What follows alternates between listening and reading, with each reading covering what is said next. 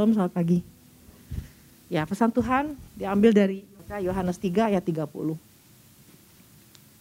Ia harus makin besar tetapi aku harus makin kecil. Nah, jadi dari ayat ini kita lihat bahwa ada dua pribadi yaitu kita dan Tuhan ya.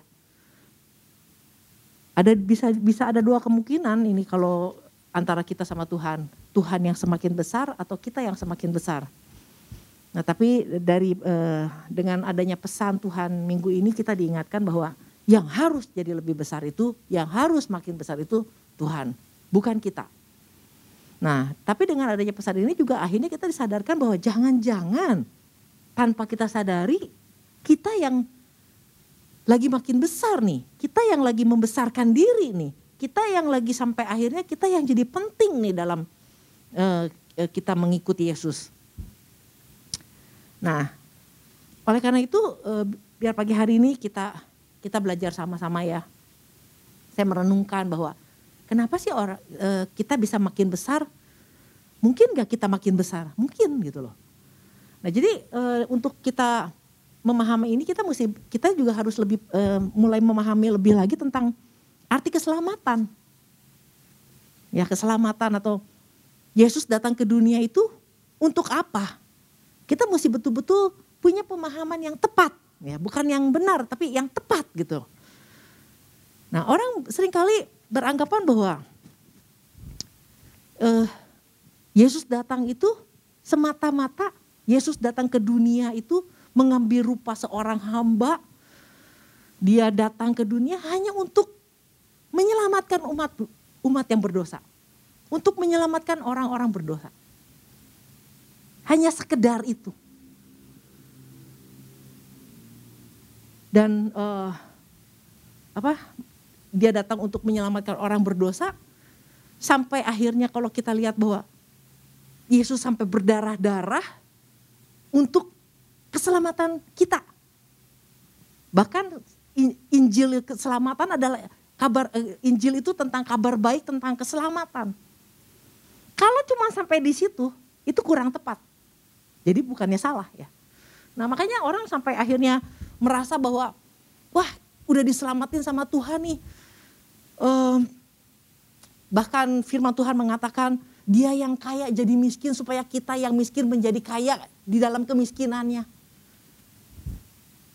Bahkan kita di, di, diingatkan bahwa setelah kita selamat kita jadi anak-anak Allah yang berhak atas setiap janji-janjinya Allah. Salah nggak? Nggak salah. Kalau yang salah itu kalau cuma sampai di situ. Nah, karena kita tahu ada janji Tuhan dan bagaimana kita diselamatkan Tuhan dan kita merasa bahwa setelah kita di dalam Tuhan, kita jadi punya banyak yang hal-hal yang lebih menyenangkan, punya banyak hal yang lebih bisa kita bisa jadi jadi diberkati lebih banyak. Kita jadi ada perlindungan Tuhan. Nah, sampai akhirnya kalau kita berhenti sampai cuman bahwa kita ikut Tuhan untuk keselamatan saja, akhirnya kan kita lihat bahwa di dalam doa-doanya orang Kristen kan cuman adanya cuman Tuhan saya minta ini, Tuhan pulihkan saya, Tuhan berkati saya, Tuhan lindungi saya.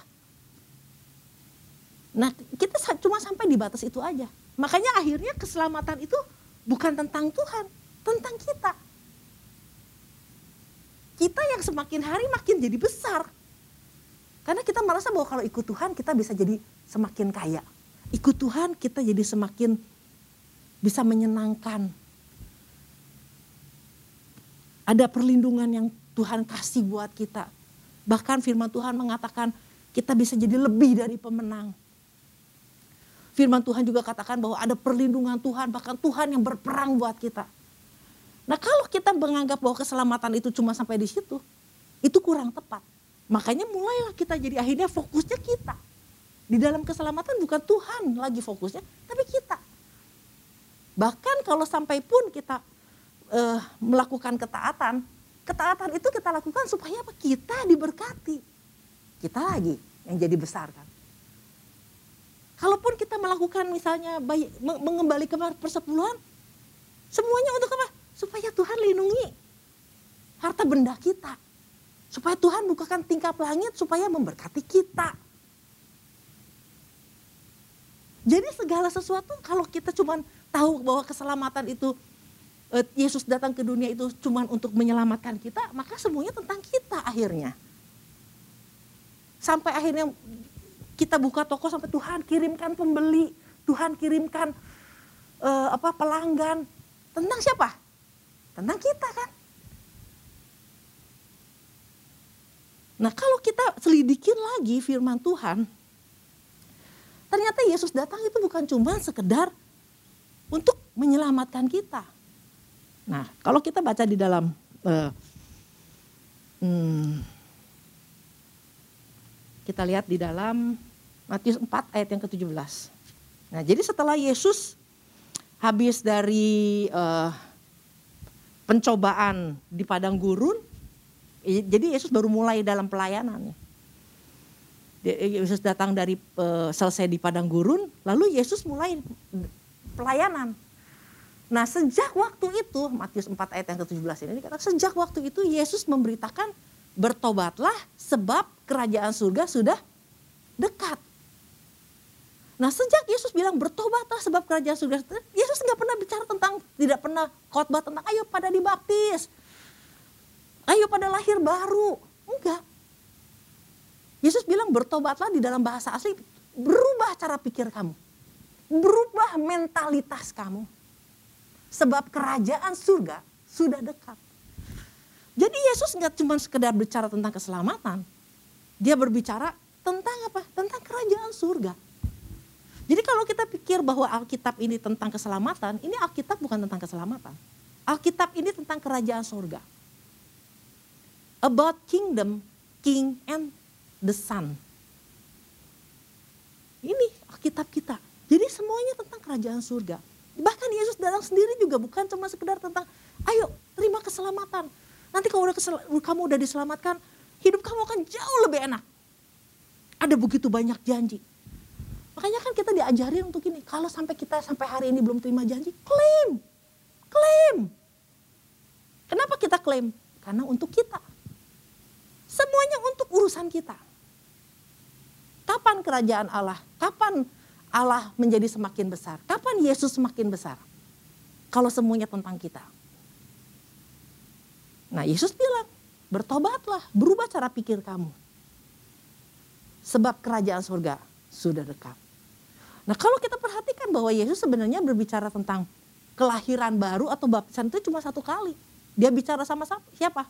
sama Nikodemus. Kita lihat di dalam Yohanes 3. Nah kalau kita, saya percaya kita semua udah pernah baca tentang uh, percakapan Yesus dengan Nikodemus ini. Nah, Yesus bicara gini bahwa ayat yang ketujuh, janganlah engkau heran karena aku berkata kepadamu, kamu harus dilahirkan kembali. Nah jadi Yesus bicara tentang kelahiran kembali itu sama Nikodemus itu untuk apa? Supaya kamu bisa lihat kerajaan Allah. Supaya kamu bisa paham tentang kerajaan Allah. Nah kalau kita ngerti tentang kerajaan Allah, hidup kita bukan tentang kita lagi. Tapi tentang bagaimana membesarkan Tuhan. Bagaimana membesarkan kerajaan Allah. Itu bedanya. Jadi kalau kita fokus kita cuma tentang keselamatan, ikut Tuhan itu jauh lebih enak. Fokusnya pasti tentang kita. Semua permintaan yang kita minta, itu tentang kita.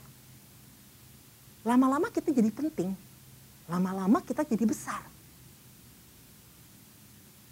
Kalau nggak dikabulin, kita marah sama Tuhan. Kita main klaim. Lu pikir Yesus itu asuransi main klaim gitu kan? Nah jadi yang terpenting ya, jadi yang harus kita pahami adalah Yesus bilang tentang kamu lahir baru. Enggak stop sampai di situ. Kelahiran baru itu akan membawa kamu mengerti tentang kerajaan surga. Jadi fokusnya Yesus tentang kerajaan surga. Karena Yesus datang untuk kerajaan surga. Tentang bagaimana kerajaan surga diperluas di muka bumi ini. Makanya kalau kita perhatikan di dalam uh, Lukas 4 ayat yang ke-43 bahwa gospel atau Injil atau kabar baik itu bukan tentang kita diselamatkan, kita Lukas 4 ayat yang ke-43. Tetapi ia berkata kepada mereka, juga di kota-kota lain aku harus memberitakan Injil apa? Kerajaan Allah. Sebab untuk itulah aku diutus. Jadi yang Yesus beritakan tentang Injil kerajaan Allah. Kamu dibaptis, kamu diselamatkan, kamu lahir baru untuk kamu memahami lagi tentang kerajaan Allah. Kalau kamu paham tentang kerajaan Allah, kamu akan bekerja lebih giat lagi untuk Tuhan. Yang kamu minta bukan cuma sekedar urusan kamu minta ini dan itu, tapi tentang bagaimana Tuhan dimuliakan. Bagaimana kerajaan itu semakin hari semakin menjadi besar. Nah sama pelayanan Paulus. Kemarin kita dengar Paulus begitu luar biasa pelayanannya. Karena waktu dia, kita cuma fokus bahwa Saulus bertobat. Dia bukan cuma sampai bertobat doang dan selesai di situ. Hari itu juga begitu dia dibaptis, dia langsung tahu bahwa dia adalah alatnya Tuhan. Kita lihat dalam kisah para rasul 9. Ayat yang ke 15. Tetapi firman Tuhan kepadanya, pergilah sebab orang ini adalah alat pilihan bagiku untuk memberitakan namaku kepada bangsa-bangsa lain serta raja-raja dan orang-orang Israel. Ini tugas ini nggak gampang. Karena dia bukan hanya memberitakan kepada orang Israel, tapi ini berbicara tentang memberitakan kepada bangsa-bangsa lain. Kepada raja-raja. Mungkin gak orang biasa memberitakan kepada raja-raja? Diterima juga enggak. Bagaimana memberitakan kepada bangsa lain kalau kita belum jadi orang kerajaan? Nah makanya dikatakan Injilnya ini bukan Injil aja, tapi Injil kerajaan Allah. Setelah kamu diselamatkan, setelah kamu lahir baru, kamu harus bekerja untuk kerajaan surga. Nah makanya kenapa orang harus lahir baru juga kita lihat balik lagi ke tadi Yohanes 3. Yang bicara dengan Nikodemus. Ayat yang ke Yohanes 3 ayat yang ke 10. Jawab Yesus, engkau adalah pengajar Israel dan engkau tidak mengerti hal-hal itu. Aku berkata kepadamu sesungguhnya kami berkata-kata tentang apa yang kami ketahui dan kami bersaksi tentang apa yang kami lihat. Tetapi kamu tidak menerima kesaksian kami. Jadi kalau orang Bagaimana Tuhan mau bicara soal kerajaan surga kalau orang belum lahir baru? Makanya diajakin ngomong kagak ngerti. Yang satu ngomongin tentang kerajaan surga, yang yang satu tentang tentang perkara di atas, yang satu pikirannya cuma perkara di bawah. Nah oleh karena itu ini yang harus kita pahami yang menjadi dasar kita kenapa kita ikut Yesus. Bukan cuma sekedar, wah udah diselamatkan, minta apa aja tentang tentang permintaan-permintaan kita, tentang Tuhan mengabulkan doa kita, tentang tentang mujizat, tentang yang kita butuhkan Tuhan sediakan. Kalau cuma sampai kita fokus di keselamatan, ya itu memang yang yang akhirnya tentang kepentingan kita. Nah, tapi Tuhan bilang Yesus datang untuk apa? Untuk perkara kerajaan surga. Dan itu yang harus menjadi fokus kita. Kita lihat juga di dalam Matius 24 ayat yang ke-14. Matius 24 ayat yang ke-14. Dan Injil kerajaan ini akan diberitakan di seluruh dunia menjadi kesaksian bagi semua bangsa. Sesudah itu barulah tiba kesudahannya. Nah, Injil kerajaan. Nah, jadi kalau kita paham tentang Injil kerajaan bahwa kita adalah utusan-utusannya Kristus. Yesus juga diutus ke dunia untuk membawa untuk memperkenalkan tentang kerajaan, untuk memulihkan kerajaan Allah di muka bumi ini, untuk memperluas kerajaan Allah. Untuk kita to have dominion, untuk kita berkuasa. Nah, jadi orang-orang yang akhirnya punya kualitas ini yang bisa berbicara kepada bangsa-bangsa, yang bisa berbicara kepada raja-raja.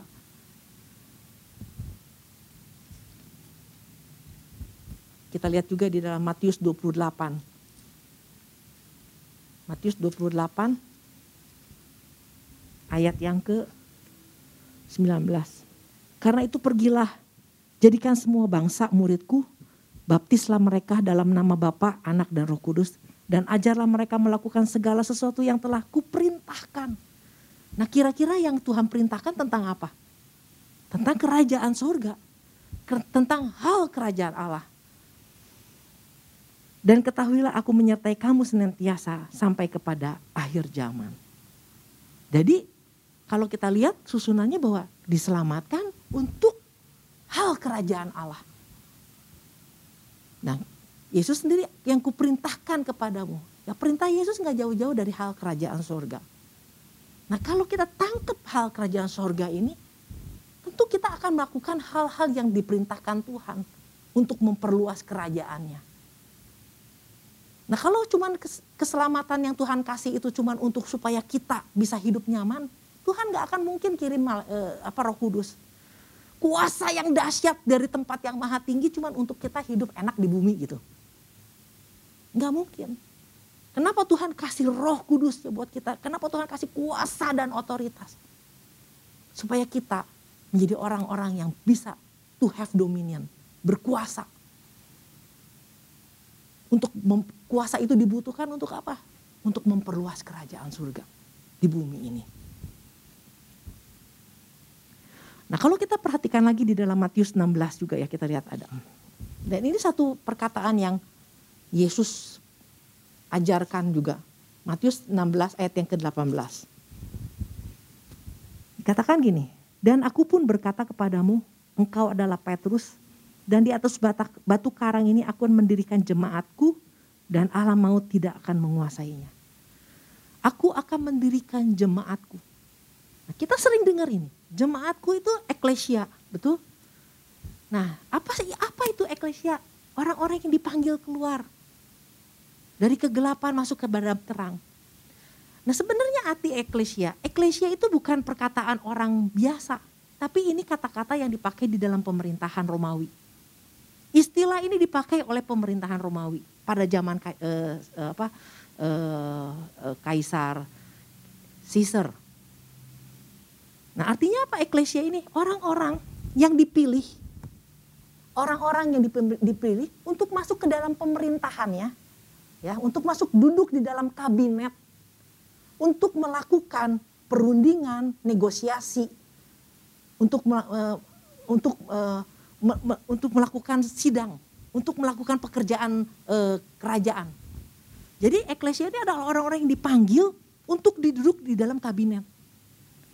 Nah kalau saya baca lagi di dalam terjemahan yang lain dikatakan di atas batu karang ini aku aku akan membangun sidangku. Ini bukan sidang jemaat. Ini bahasa ini bahasa pemerintahan. Dan jadi kita adalah orang-orang yang dipilih oleh raja sebagai orang-orang yang punya kuasa. Powerful people. Kita bukannya orang biasa. Bahkan kata Yesus kalau kita udah di dalam Tuhan, kita ini udah bukan lagi orang dunia. Kita adalah orang-orang yang dari surga. Orang-orang yang betul-betul punya kekuatan dan kuasa karena kita diperlengkapi dengan roh kudus. Karena kita diperlengkapi dengan kuasa. Kita dikasih otoritas. Nah ini yang Tuhan yang Tuhan pilih kita ini siapa? Nah, cuman memang ini masalahnya. Bahkan kalau kalau kita lihat di dalam uh, uh, apa uh, kejadian dua ya kita kita lihat gini untuk kita tahu siapa diri kita ya. Di dalam kejadian satu ayat yang ke 26 berfirmanlah Allah baiklah kita menjadikan manusia menurut gambar dan rupa kita supaya mereka berkuasa Nah ini baiklah kita menjadikan manusia menurut gambar dan rupa kita. Jadi kita memang udah di udah diciptakan Tuhan ini bukan menjadi orang yang biasa-biasa dengan rupa Allah, dengan rupa raja. Untuk apa? Untuk berkuasa, to have dominion. Jadi secara gen, secara kita dilahirkan kita memang bukan orang sembarangan. Kita adalah powerful people. Nah cuman persoalannya kita lahir kadang-kadang dari keluarga yang membuat kita akhirnya menjadi kecil. Karena orang tua yang selalu bilang, lu mau bodoh, lu mau bego, lu mau males, lu mau gak bisa apa-apa. Sampai akhirnya kita lupa bahwa kita adalah orang-orang yang Tuhan ciptakan begitu luar biasa. Karena lingkungan merubah cara pandang kita. Nah Yesus datang, Tuhan bilang bertobat, berubahlah cara pikir kamu bahwa kamu itu orang yang luar biasa. You are powerful people. Kamu diciptakan dalam rupa Allah yang Allah adalah raja. Dan kamu diberikan uh, kemampuan untuk berkuasa. Berubah itu. Nah, kalau kita berubah dan kita paham, kita tangkap maksud Tuhan tentang kerajaan, kita nggak akan lagi berpikir tentang siapa, tentang urusan kita. Tentang bagaimana Tuhan harus mencukupi kebutuhanku. Karena firman Tuhan bilang, carilah dahulu kerajaan Allah dan kebenaran. Maka semuanya akan ditambahkan. Jangan khawatir. Burung di udara Tuhan pelihara. Eh, bunga bakung Tuhan eh, dandani. Karena kalau kita jadi orang kerajaan, raja itu bertanggung jawab atas hidup kita. Gak usah perlu minta-minta dan ngemis-ngemis sama raja. Karena kita adalah orang-orang yang dipilih sendiri oleh raja. Itu bedanya. Kalau kita tinggal di uh, uh, yang sekarang alam demokrasi, kita pilih raja, kita pilih presiden, kita pilih kabinet, kita pilih kita pilih ini, pilih ini, pilih itu, semua tentang kita yang milih. Tapi kalau di dalam kerajaan, raja yang pilih kita. Raja yang sediakan buat kita. Raja yang bertanggung jawab terhadap kita. Itu bedanya. Makanya Tuhan bilang cari dahulu tentang kerajaan Allah dan kebenarannya. Semua tentang kebenaran kerajaan Allah harus kita pahami. Supaya apa? Nanti kamu akan tahu lebih banyak lagi. Tuhan akan tambah-tambahkan lagi perkara kerajaan ini. Kenapa Tuhan harus tambahkan ini? Karena ini nanti kalau kita paham, kalau kita tangkap ini, maka hidup kita tentang memperluas kerajaan Allah. Nah, bagaimana raja dipermuliakan? Bagaimana seorang raja raja itu diperbesar? Kalau raja-raja eh, wilayah-wilayah yang dia utus ada ada utusan-utusannya itu bisa ber, menguasai seluruh wilayah, lalu dia datang sama raja. Raja, aku persembahkan wilayah ini buat raja. Jadi semakin banyak orang mempersembahkan wilayah, semakin banyak orang mempersembahkan wilayah, kerajaan ini makin besar dan raja dipermuliakan. Jadi raja dipermuliakan bukan oh hebatnya raja bukan. Kita bawa kita bawa wilayah buat raja, raja dipermuliakan. Raja makin besar. Dia semakin besar. Dan kita semakin kecil. Nah pertanyaannya, jangan-jangan selama ini kita yang semakin hari semakin besar tanpa sadar. Karena yang kita minta tentang Tuhan, aku mau ini, aku butuh ini, aku ini, aku ini. Nah jadi ini yang Tuhan ingatkan buat kita untuk memperbesar untuk memperbesar memperbesar Tuhan, Tuhan butuh orang-orang yang powerful. Eklesia. Orang-orang yang mau duduk di kabinetnya Tuhan yang mau berunding dengan Tuhan. Makanya dikatakan kita adalah kawan sekerja. Kawan sekerja itu artinya gini, sama-sama duduk di dalam pemerintahan loh. Sama-sama berunding loh sama Tuhan. Sama-sama ngomongin negosiasi loh sama Tuhan. Itu namanya kawan sekerja. Satu pekerjaan dengan Tuhan. Nah kalau kita tangkap itu dan kita melakukannya, kita menangkan wilayah buat Tuhan raja dimuliakan, raja diperbesar, raja semakin kerajaan semakin besar. Nama Tuhan ditinggikan. Nah, kenapa Salomo begitu hebat? Kenapa semua orang pengen pengen ketemu sama Salomo? Karena Salomo punya wilayah yang semakin hari semakin besar. Dari mana kita tahu wilayah dia semakin besar? Dari banyaknya wilayah-wilayah kecil di sekeliling dia yang membawa anak-anak perempuannya, tolong dong ini buat kamu, tapi kamu jagain wilayah saya. Wilayah saya buat kamu. Saya akan kasih upeti buat kamu, bahkan saya kasih anak saya. Nah makanya jangan kita jangan kita pikir gila banyak banget gundiknya. Belum tentu juga di, bisa di, uh, melakukan hubungan. Cuma sekedar dititipin sama sama kerajaan kecil. Nah kalau kita lihat betapa banyak gundiknya dia, itulah jumlah kerajaan dia yang dia kuasai segitu banyaknya. Nah jadi oleh karena itu untuk kita menyadari bahwa kita ini adalah eklesia, orang-orang yang dipanggil untuk duduk di dalam kabinet. Artinya kita bukan bukan follower. We are leader. Kita harus menempatkan diri kita sebagai leader. Cuma leader yang bisa kasih pengaruh loh, follower enggak. Walaupun kita bilang, tapi aku membangun hubungan aku dengan Tuhan loh. Aku orang jujur, aku orang baik. Kalau lu follower, nobody knows. Gak ada yang tahu, gak ada yang kenal. Oleh karena itu biarlah kita menyadari bahwa kita ini para leader. Bukan jabatan leader. Kita betul-betul leader yang bisa kasih pengaruh buat orang banyak. Sehingga kerajaan Allah, wilayah-wilayah di mana pun kita ada, diperluas. Dan ketika wilayah diperluas, Tuhan semakin besar. Demikian firman Tuhan, Tuhan berkati.